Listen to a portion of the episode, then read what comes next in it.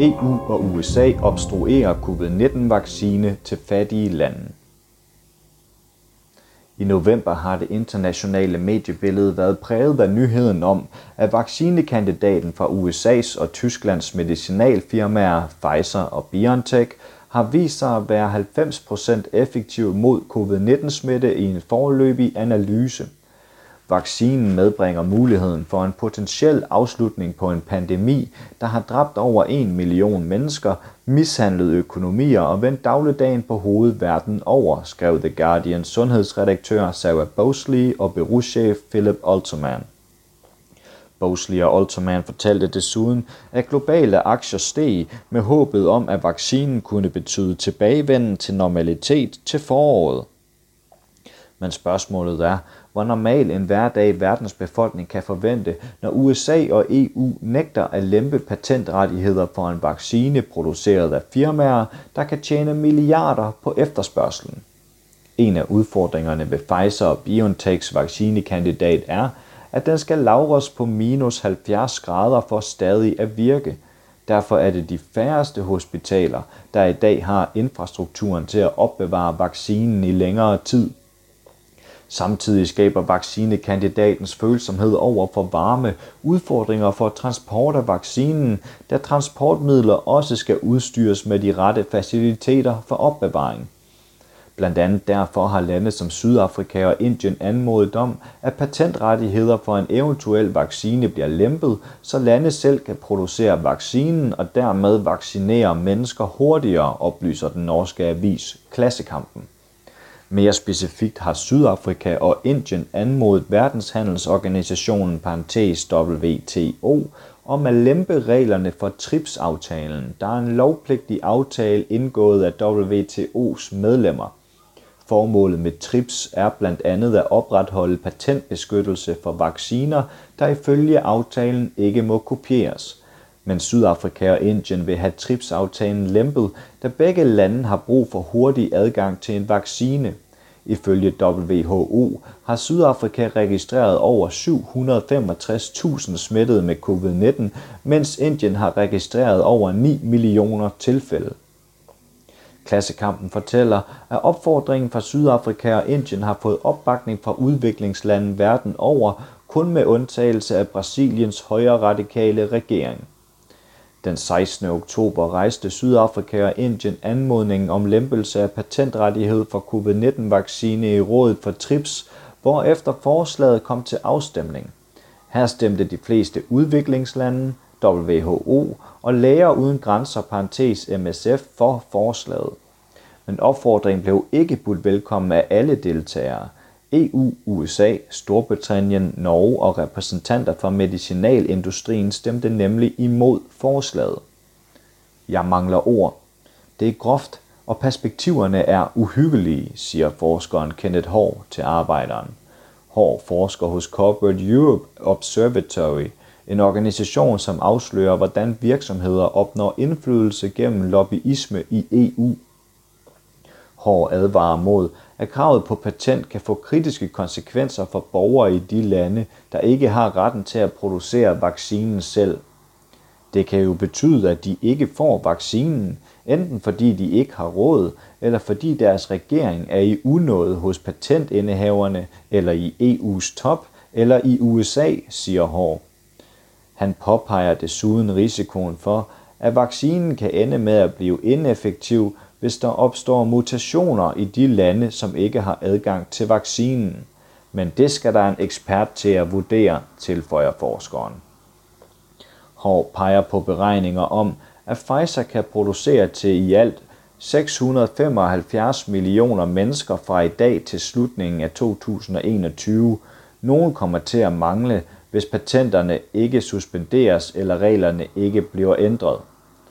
Selvom Kenneth Hård finder opretholdelsen af patentrettigheden for en fremtidig vaccine bekymrende, så er jeg alligevel ikke overrasket, siger han og fortsætter.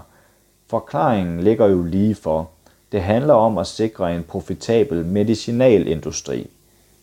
Pfizer behandler pandemien som en kommersiel mulighed ved at afvise forskningsfinansiering fra USA's regering, skriver journalisten Julia Colloway i The Guardian.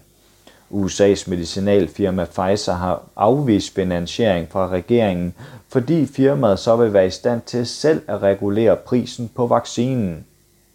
Ifølge Colloway planlægger Pfizer at sælge vaccinen i USA til en pris på 246 kroner for en dobbeltdosis. USA har bestilt 100 millioner doseringer, mens EU har bestilt 200 millioner. Pfizer står til at tjene i omegnen af 100 milliarder kroner på vaccinen, og det kan de jo, fordi patenten tillader dem at sætte prisen højt. Det sætter Pfizer i en kategori for sig selv på grådighedsskalaen, mener Hår. Selvom Pfizer ifølge forskerne er ualmindelig grådig, understreger han, at firmaer, der producerer vacciner, generelt har værnet om patentrettigheder under pandemien. Samtlige vaccineproducenter stillede sig op ved patentkontorerne for længe siden.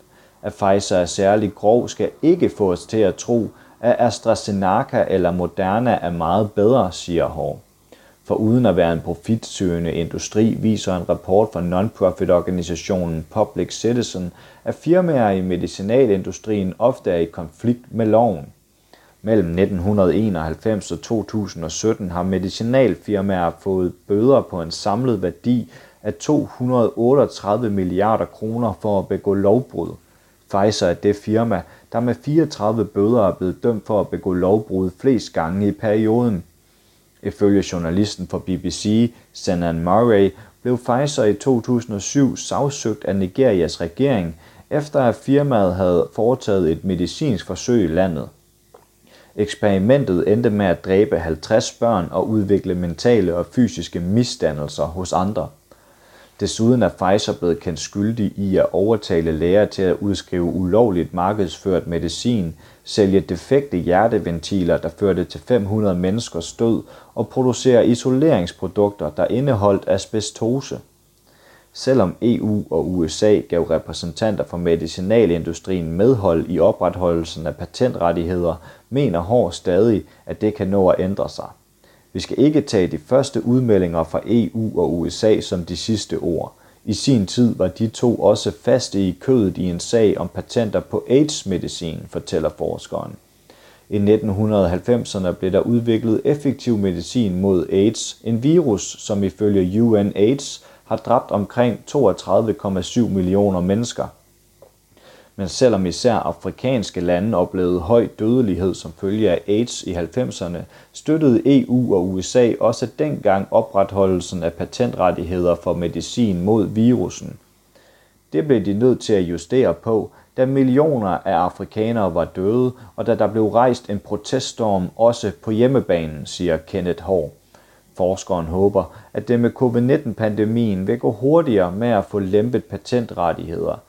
Han ser det som et positivt tegn, at FN's generalsekretær kræver folkepatent på vaccinen. Banen er kridtet tidligt op. Forhåbentlig går det anderledes denne gang end for 20 år siden, siger Hård. Men Kenneth Hård mener ikke, at kravet om patentrettigheder er det eneste problem i kampen mod covid-19. Det er vigtigt at fokusere på ikke bare retten til at producere vaccinen, men også at importere den, mener Hår og fortsætter. Hovedproblemet for de afrikanske lande under det værste af AIDS-epidemien var ikke, at de ikke kunne få lov at producere vaccinen selv. Hård forklarer, at der dengang ikke kun var forbud mod at producere vaccinen, men også mod at importere generisk medicin, det vil sige billig medicin fra Indien. Ifølge tidsskriftet for det internationale AIDS-samfund var det billig generisk medicin fra Indien, som endte med at inddæmme AIDS-epidemien i det globale syd.